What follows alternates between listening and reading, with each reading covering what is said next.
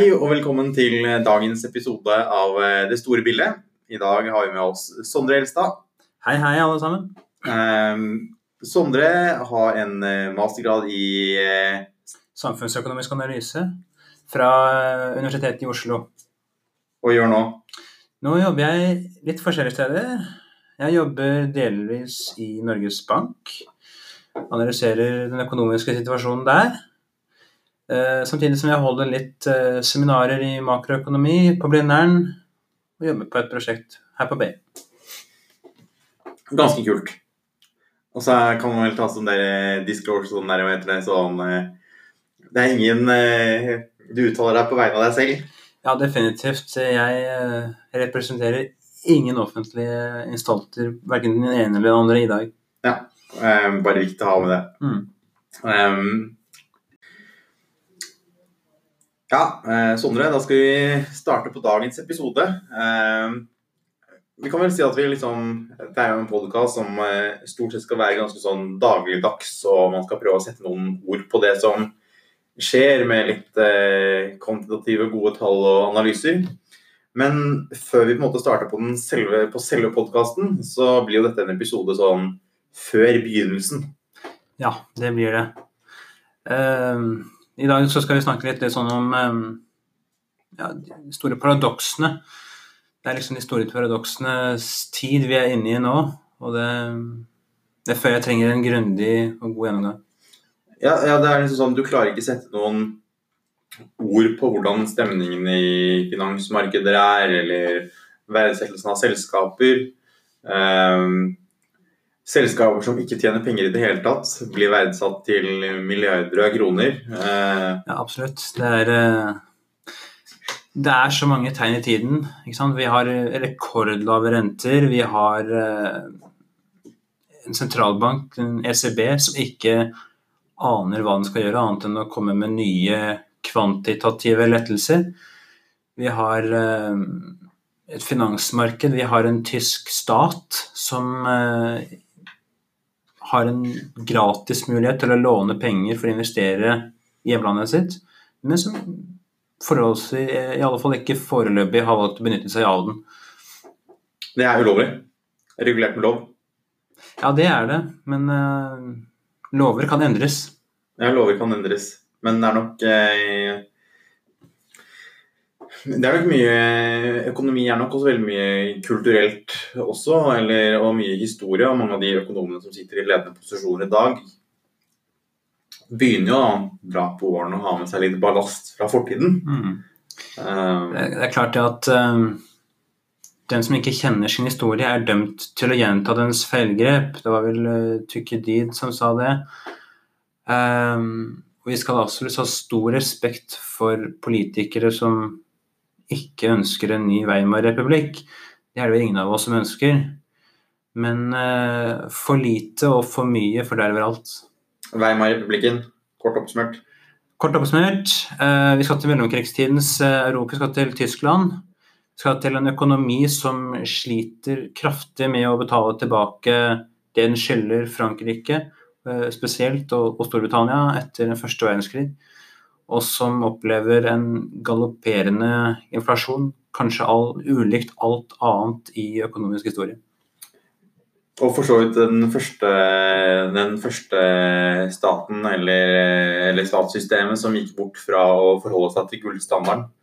Fun fact, de, eller, de manipulerte forholdet mellom eh, innskudde gullmidler i banken og eh, penger i omløp. Ja, det tror jeg stemmer godt. Jeg tror ikke de hadde noe annet valg. Nei, men eh, ganske interessant sånn i i en tid hvor man ikke har noen, noen slags form for fundamental pengeverdi i gull eller Definitivt. noe annet. Definitivt. Um, men vi, altså det er jo det, er det, dette med at det er litt sånn vanskelig Jeg tror man Jeg vet ikke, men jeg føler nesten at hvis jeg har sett på um, Babylon Berlin, serien som har gått på NRK Dessverre ikke. um, Men det er jo på en måte fra, fra de glade årene i altså glade årene, veldig liberale årene i, i Berlin i mellomkrigstiden. Uh, og jeg vet ikke, men jeg føler kanskje at man, man kan sette noen av de samme følelsene på hvordan det føles. Sånn, mange har gode liv, det føles veldig godt å leve, men så er det noe, sånn, det er noe som er galt, på en måte? Ja, jeg tror kanskje det er en god oppsummering av eh, den tiden vi lever i. På den annen side så tror jeg det er en god oppsummering av hvordan livet har vært eh, siden 1945 i forhold til Først så hadde den kalde krigen. Så hadde vi en ganske rolig periode, men eh, finanskrisen i 2008-2009 den eh, tok mange på sengen. Og mange sliter fremdeles ganske mye etter det. Ja, spesielt mange stater. Spesielt mange stater. Ehm, kanskje, kanskje enda, Vi kan kanskje si at det er statene som sliter i større grad enn hva enkeltpersonen eh, gjør rundt omkring. Jeg tror enkeltpersonene sliter mer med konsekvensene av den politikken som enkeltstatene fører, mens det er enkeltstatene som føler på konsekvensene av den store finanskrisen. Ja. Og at de ikke har hatt systemer som er enkle å omstille hvis eh, kriser skulle oppstå.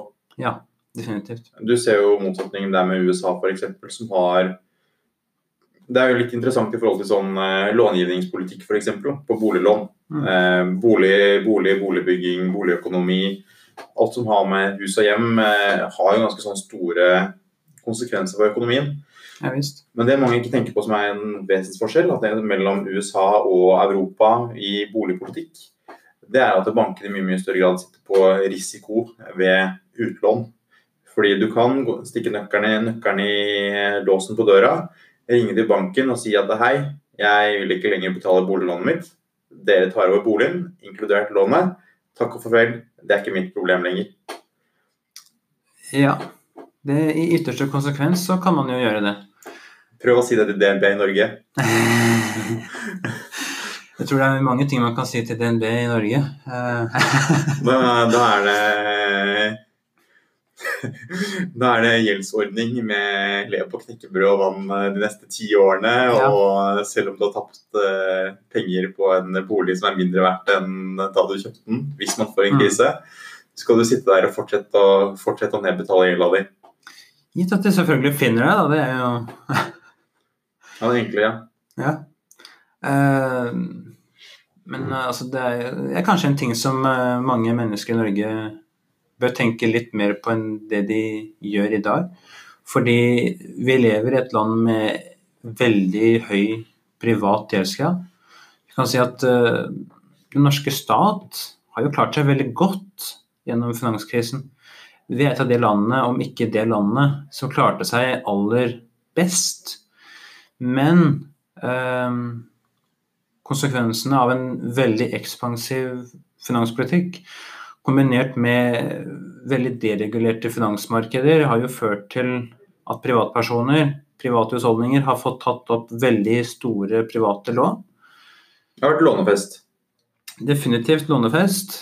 Og eh, problemet med enhver fest det er at eh, etter, etter dag, dagen derpå så må man rydde opp. Og det er selvfølgelig ikke like gøy. Men før du begynner å rydde opp, så har du en hangover. Forhåpentligvis eh, så har du en hangover hvis ikke du begynner å rydde opp samtidig som du har hangover. Ja, um, For å straffe deg selv ekstra. Ja, Har man fulgt med på Exit, eh, TV-serien på NRK, så vet man at om hangoveren er eh, nok, så er det ikke så lett å rydde opp. Ja, det Jeg tror nok de gutta der er vant til å feste. Men problemet er kanskje at de aldri føler at de aldri lærer. Men det er jo det er ikke så lenge siden man hadde boligboblen eh, på 80-tallet. Og det er mange som gikk på en smell da også, som Mm. er boligeiere i dag. Kanskje mange av de som har gappet over mest risiko, egentlig, i boligmarkedet. Mm. Altså eh, veletablerte eh, folk på veletablerte middelaldrende med kanskje 10-15 år av yrkeskarrieren sin igjen. Ja. Som har forholdsvis mye gjeld igjen. Altså har, har hus, kanskje kjøpt en sekundærbolig, hytte, men som er gjeldsfinansiert. Jeg tror at når du har både sekundærbolig og hytte, da gjør du deg selv en bjørnetjeneste hvis du tenker at alt er i orden. Jeg tror at eh, da bør du uansett være forsiktig. Fordi du vet aldri hva som skjer i morgen. Nei, altså det er jo en voldsom, altså Hvis du hadde gira egenkapital altså Det du på en måte har gjort, er jo at du har gira egenkapitalen din, eh, som du har bygd opp i bolig, Mm. ganske heftig i disse andre eiendomsverdiene. da. Eh, jeg mener at du i mye mye større grad da burde kanskje sett til andre aktivklasser, aksjer eller fond. eller altså ja, Mm. eh, For å på en måte spre risikoen litt. da. Ja, men det er også et veldig godt poeng. Vel, fordi at hvis du har sekundærbolig, bolig og hytte, så har du jo veldig høy eksponering mot det som skjer i eiendomsmarkedet. Um, Og ikke minst mot rente og renteeffekter og den type ting. ja visst, ja visst, ja visst. Absolutt.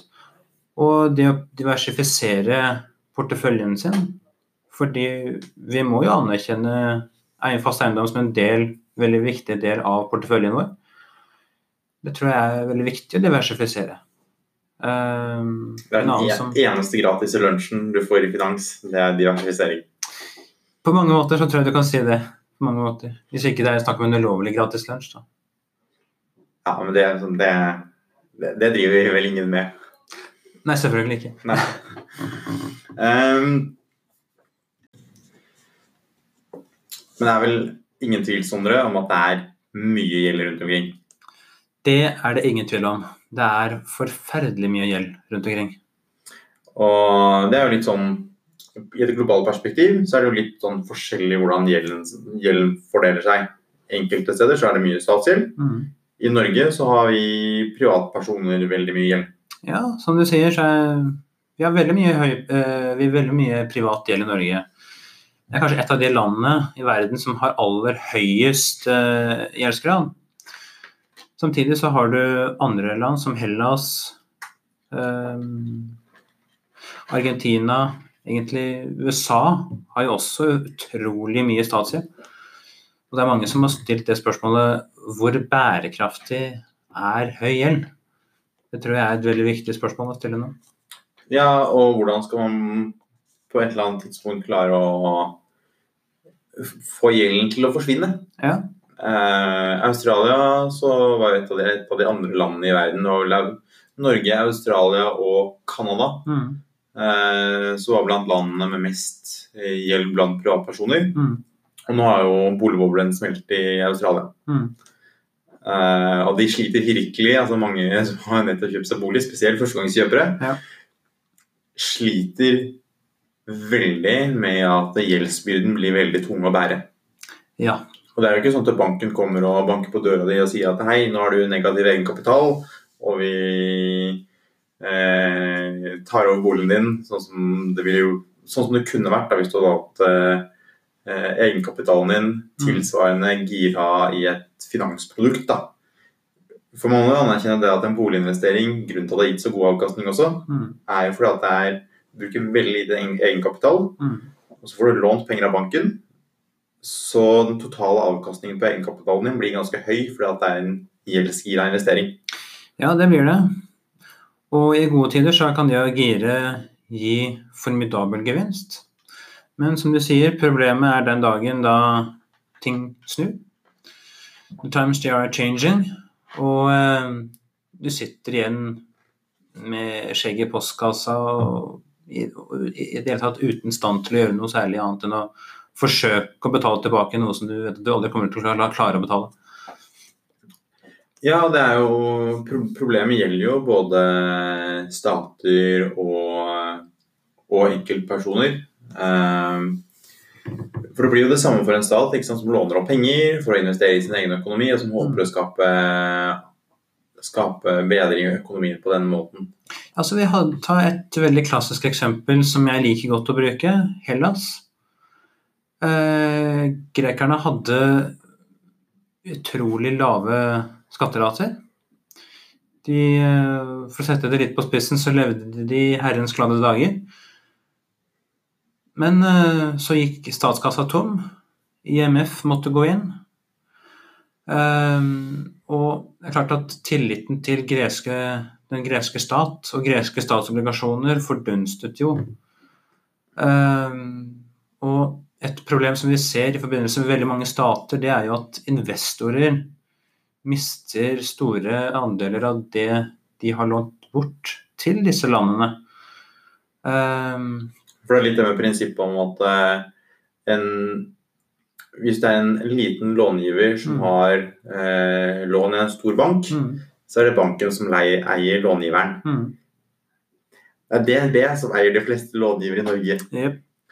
Men hvis det er en som har mye gjeld, Mm. eh, og banken, også maktforholdet mellom banken og lånekunden er mye jevnere fordi Mm. lånet er så stort, og det vil medføre et betydelig tap for banken, Det er klart at det har mye å si. Og eh, hvis du er en investor som eh, låner bort til et ja, et typisk land som har, sliter med å betale tilbake store deler av gjelden sin, så, så blir du i grunnen seende ut som eh, en person fra 30-tallet som står med lua i hånda og ikke kan gjøre noe annet. Nei, nei det, det er et veldig godt poeng om at en, en stat kan jo på en måte skal jeg si, finne alternative altså det- det- Staten kan jo ikke gå totalt konkurs, på en måte. Nei, det Eh, kan ikke. og det er jo mange andre virkemidler de kan ta i bruk også. Altså, Mm. Det har et mye større virkemiddel, de det er en mye større verktøykasse Ja. for å på en måte bli kvitt gjelda si. Eksempelvis si at du skrur opp inflasjonen, da. Mm.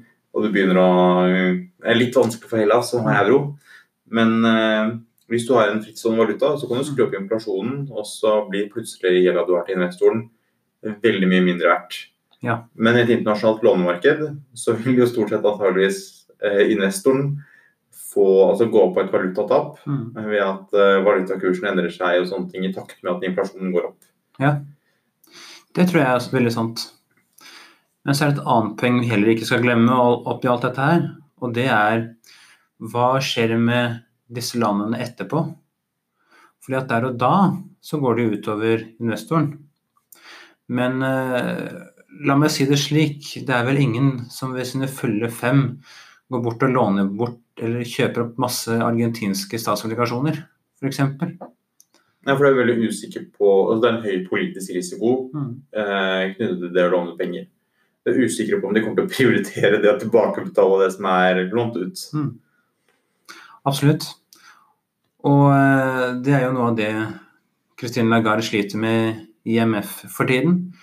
Fordi eh, det var vel i 2017-2018 så, eh, så utstedte IMF sitt aller største lån noensinne til et enkeltstående land, og det var et lån på 57 milliarder amerikanske dollar til Argentina.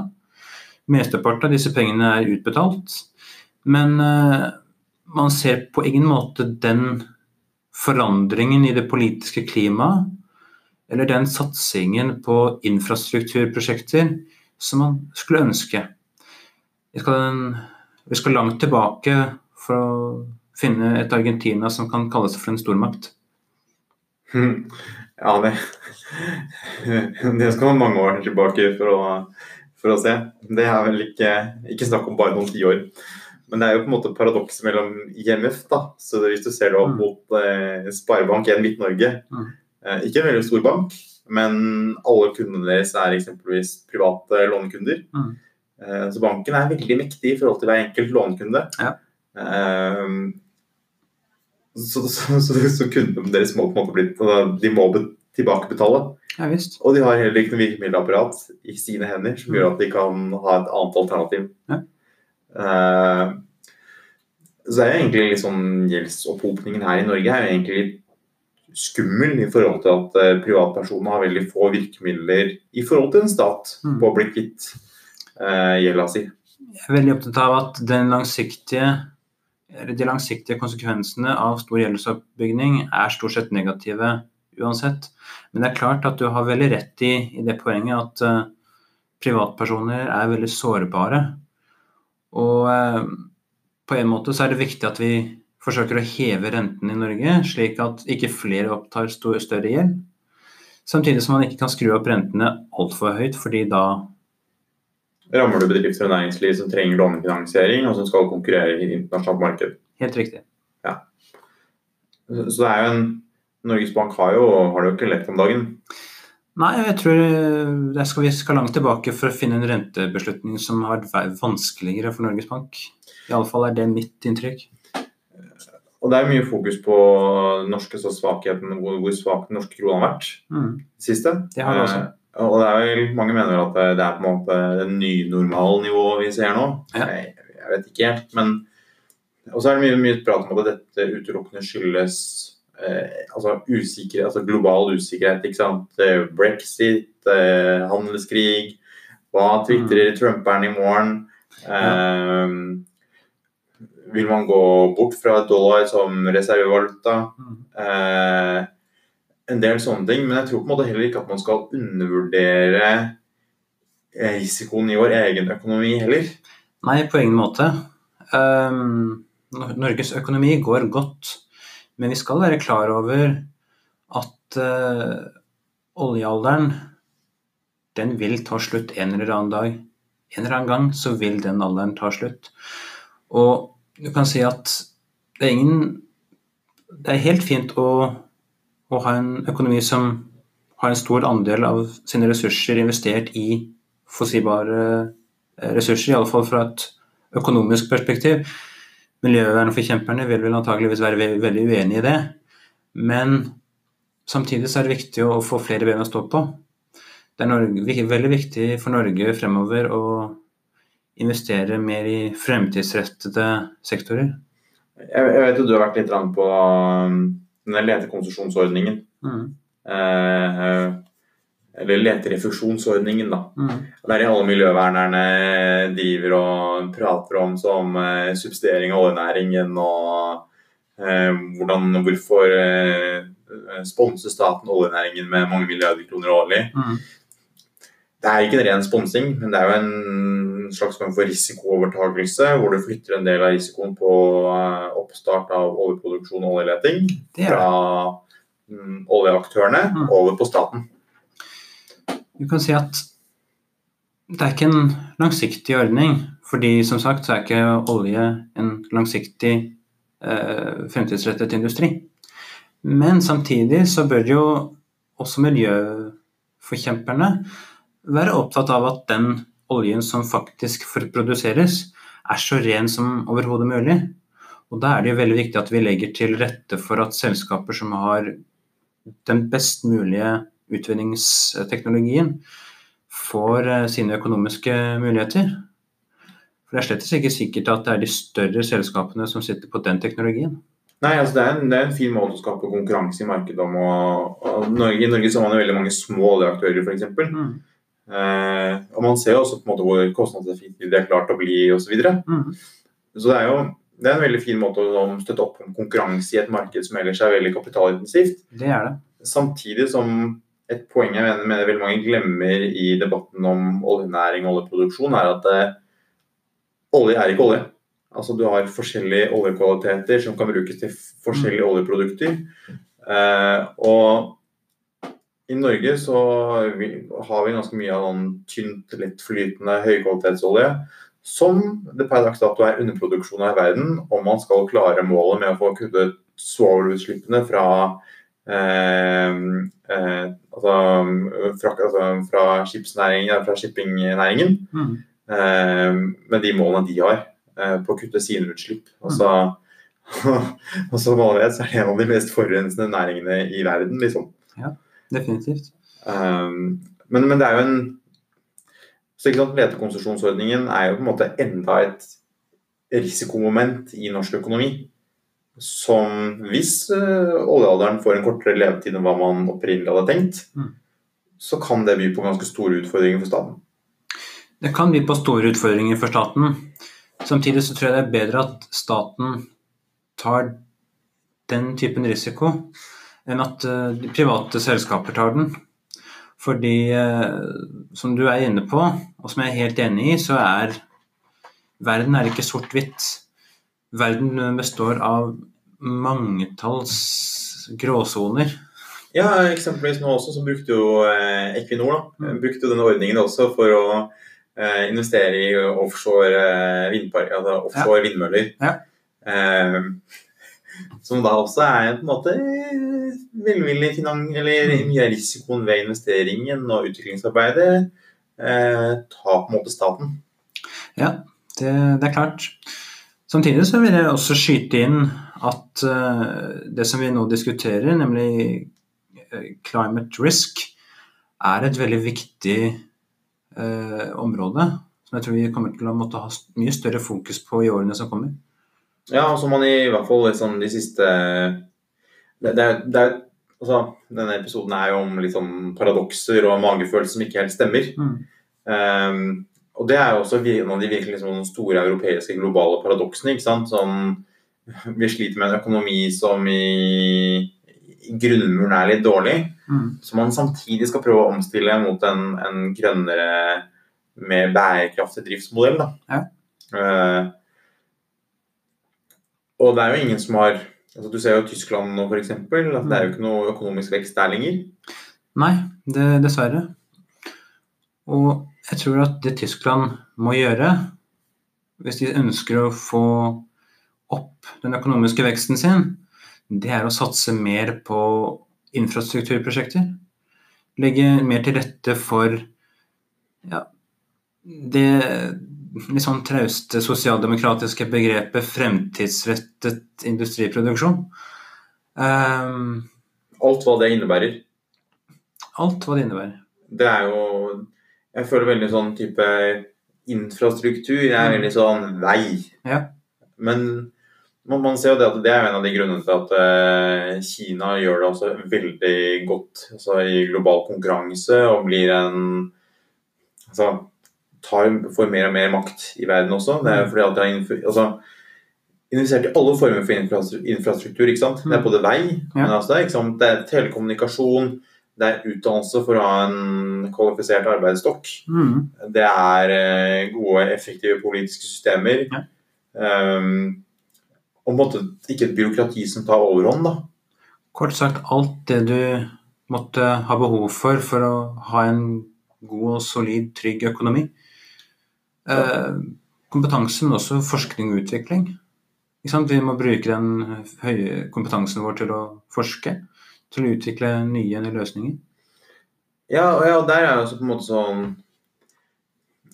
Evner man å gjøre det, så det altså sånn, hvis man skal dra det, liksom, det store bildet da, ned til Norge, ikke sant eh, Skolebokeksempler på et velferdssamfunn ofte i global eh, skala. Så kan man på en måte i dag jeg mener, stille seg et spørsmål om vi får til dette i forhold til de ressursene vi har til rådighet. Mm. Eller sysler vi de litt bort i forhold til de midlene vi har? Klarer vi å matche på en måte det beste, gi det beste talentet den muligheten det fortjener til, å, til en karriere? da? Jeg føler at når det gjelder Norge, så er det vel Det er vel få land som er så flinke til å ha et så stort potensial uten å bruke det tilstrekkelig. Vi bruker det på mange områder.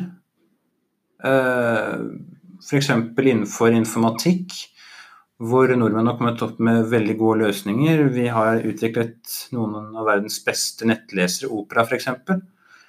Vi har ledet andre revolusjoner innenfor koding, nemlig objektorientert programmering. Ehm, samtidig så har vi eksempler på at teknologi kunne vært satt i stand i Norge, men eh, den kompetansen som man har hatt, har vært forbigått av, eller forbisett av eh, næringslivet. Og den typen investeringer har heller gått til andre land, f.eks. Uh, Nokia. Ja. Igjen dette med at vi er veldig, mye, vi er veldig glad i bolig i Norge. Ja. Og vi har trøkka veldig mye penger inn i bolig. Mm.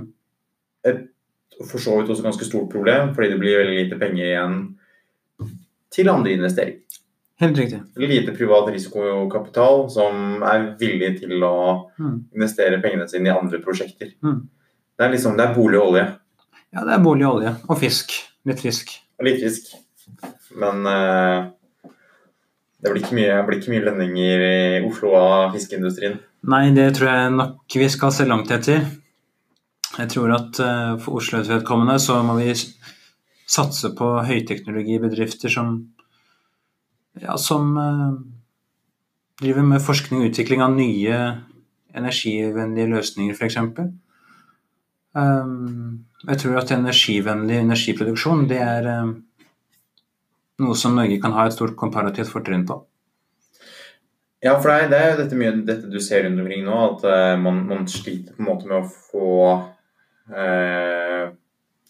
effektiviteten og produktiviteten til å fortsette. Mm. Selv om man er et høyteknologisk land, man har all verdens mulige digitale hjelpemidler, så er det i mange bedrifter at jeg har litt sånn inntrykk av at eh, eh, PC, altså alle ansatte har en PC og en mobiltelefon. Man bruker kanskje 25 000 på IT-utstyr per ansatt. Ja.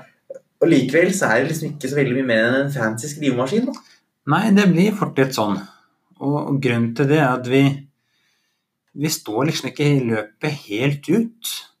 Fordi vi For å komme med en litt sånn spissformulering, så hvis vi har gjort en ting i 50 år, så har vi en tendens- til å ville fortsette å gjøre den tingen i 50 år til på samme måten.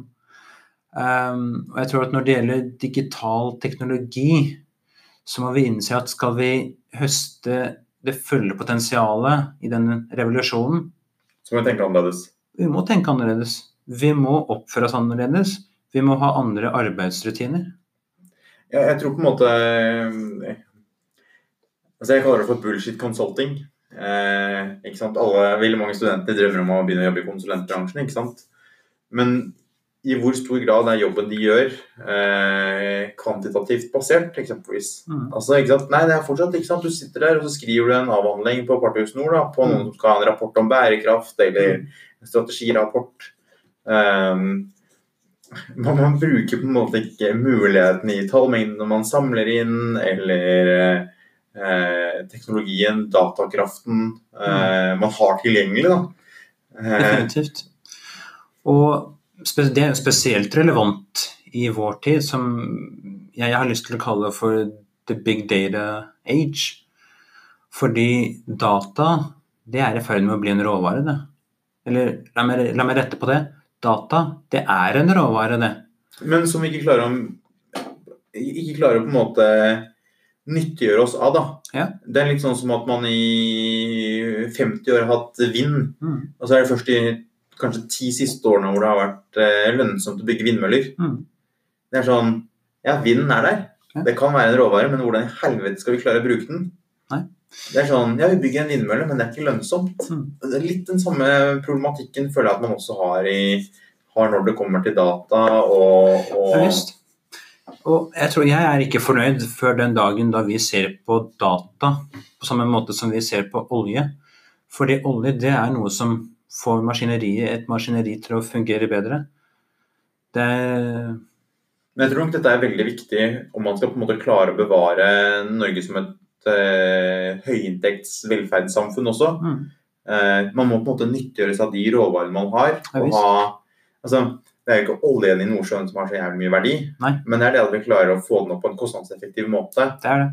Eh, og effektivt omvandle til andre råstoffer. Ja visst. Ja, visst. Absolutt. Det er ingen tvil om det. Det er um, Olje har ikke noe verdi i seg selv. Olje har en verdi fordi det er nyttig for andre formål. Og på samme måte er det med, med data. Det trenger ikke å ha så utrolig stor verdi i seg selv, men det har verdi fordi det gir oss innsikt, det har verdi fordi det gir oss viktige beslutningsgrunnlag. Men, men bare om tilbake til dette med at vi føler at det er liksom noe som ikke stemmer i, i, eh, i verden for øyeblikket. da. Mm. Tror du ikke at det, det har på en måte en, en sammenheng om at eh, tankesettet både hos eh, offentlig, i det offentlige, altså hos staten og politikerne, og hos veldig mange næringslivsledere, Mm. det er på en måte ikke omstilt til den verden vi lever i. Altså du har i en eksempel med en dagligvarebutikk, Mm. eh, eller en, ben, en bensinstasjon, eller flybilletter, ikke sant?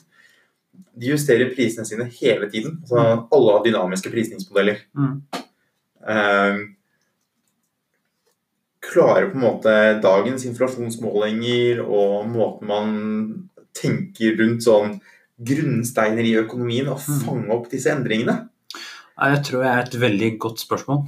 Og da begynner vi å snakke om dette, ikke sant? Mm. Nyttiggjør vi oss av eh, data som en råvare Mm. som er tilgjengelig? Jeg tror definitivt at um, Unnskyld. Jeg tror definitivt at offentlige institusjoner som f.eks. Norges Bank har mye å lære av det å til enhver tid ha mest mulig oppdaterte anslag. Fordi selvfølgelig, Norges Bank gjør en helt formidabel innsats, men jeg tror det er mye som ligger i big data som man kan nyttiggjøre seg på andre områder. Mm. Og, eh, og definitivt eh, hvordan vi måler inflasjon, det har jo store konsekvenser for den politikken som vi fører i dette landet. Ja, ikke sant? det gjelder all for, alle former for datainnsamling. ikke Mm. sant? Ehm, klarer man å treffe de riktige beslutningene Mm. basert på at man har samlet inn riktig data Mm. på riktig måte? Riktig. Altså, aldri en tid hvor metodefaget har vært så aktuelt. Nei, nettopp. nettopp. Og machine learning, det er jo det er jo i vinden for tiden, og det har så utrolig mange bruksområder. Det er viktig innenfor miljøvern, det er viktig innenfor helse, det er viktig innenfor Nav-systemet f.eks. Finne de mest treffsikre tiltakene for å få folk ut i jobb. Klart. Istedenfor at man driver sånn Vi skal, eh, sånn som Frp nå foreslo, Mm. at eh, nei, nå skal vi ta gifteringen din fordi at du Mm. da får sosialmottakelser. Nei, sosialytelser. Det er sånn, ærlig talt, jeg tror ingen begynner å jobbe fordi at du tar gifteringen deres. Altså. Samtidig så vil jeg også påpeke at dette med maskinlæring er noe som fortjener en hel, hel serie med podkasts i seg selv. Men la meg likevel komme med en veldig viktig ting, og det er at vi kan ikke overlate tenkningen til teknologien. Tenkningen, det er det hele tiden mennesker som må gjøre. Men Vi kan bruke teknologien til å tenke bedre. helt korrekt. Vi kan vel egentlig si at vi avslutter der, Sondre. Jeg tror det, selv om vi kunne fortsatt i de lange, små timer. Ja, um vi kan vel oppsummere med å si at eh, vi syns ikke det er Det er noe som ikke stemmer. Men vi tror det har noe med at eh, man ikke klarer å sette fingeren på det som stemmer, fordi man mange steder har gamle tankesett. Mm. Eh, man klarer ikke oppfatte de grunnleggende endringene som har skjedd i samfunnet. Jeg tror eh, Bob Dylans 'The Times They Are Changing' er like aktuell i dag som den var på 60-tallet. Eh, og at det er ja, det, altså, ja, verden er i endring, men på en måte så gjentar historien seg, da. Med altså, Som du sier, da, det er noe galt når man har vanvittig mye gjeld. Mm. Men så klarer man på en måte ikke se helt utenfor de fire veggene. Hva er grunnen til at vi ikke klarer å få opp produktivitetsveksten i dag Mm. kontra tidligere? Jeg tror det er mange grunner til det, i tillegg til hva vi har diskutert. Mm. Men jeg tror at man ikke klarer å sette fingeren presist eh, på de grunnleggende endringene som har skjedd. Jeg tror vi er i en slags brytningstid. Jeg tror vi er i ferd med å tre inn i en ny, en ny tidsæra. Samtidig som vi har mange problemer, så er jeg også litt sånn optimist på at vi klarer, klarer det til slutt. Fordi det pleier alltid å være sånn at ting skurrer og går, men så blir det som regel ei råd. Ja, men Man trenger kanskje egentlig en krise for å få vasket mye av dritten unna. At kriser har definitivt sin samfunnsfunksjon. Det kanskje ikke så mange tilhengere av aktiv finanspolitikk som støtter oss i det, men eh, vi kan vel si takk, og, takk for i dag. Takk for i dag. Eh, det var en eh, morsom samtale. Det var det. Så ses vi kanskje om en liten stund. Det er hyggelig. Ha det. Ha det.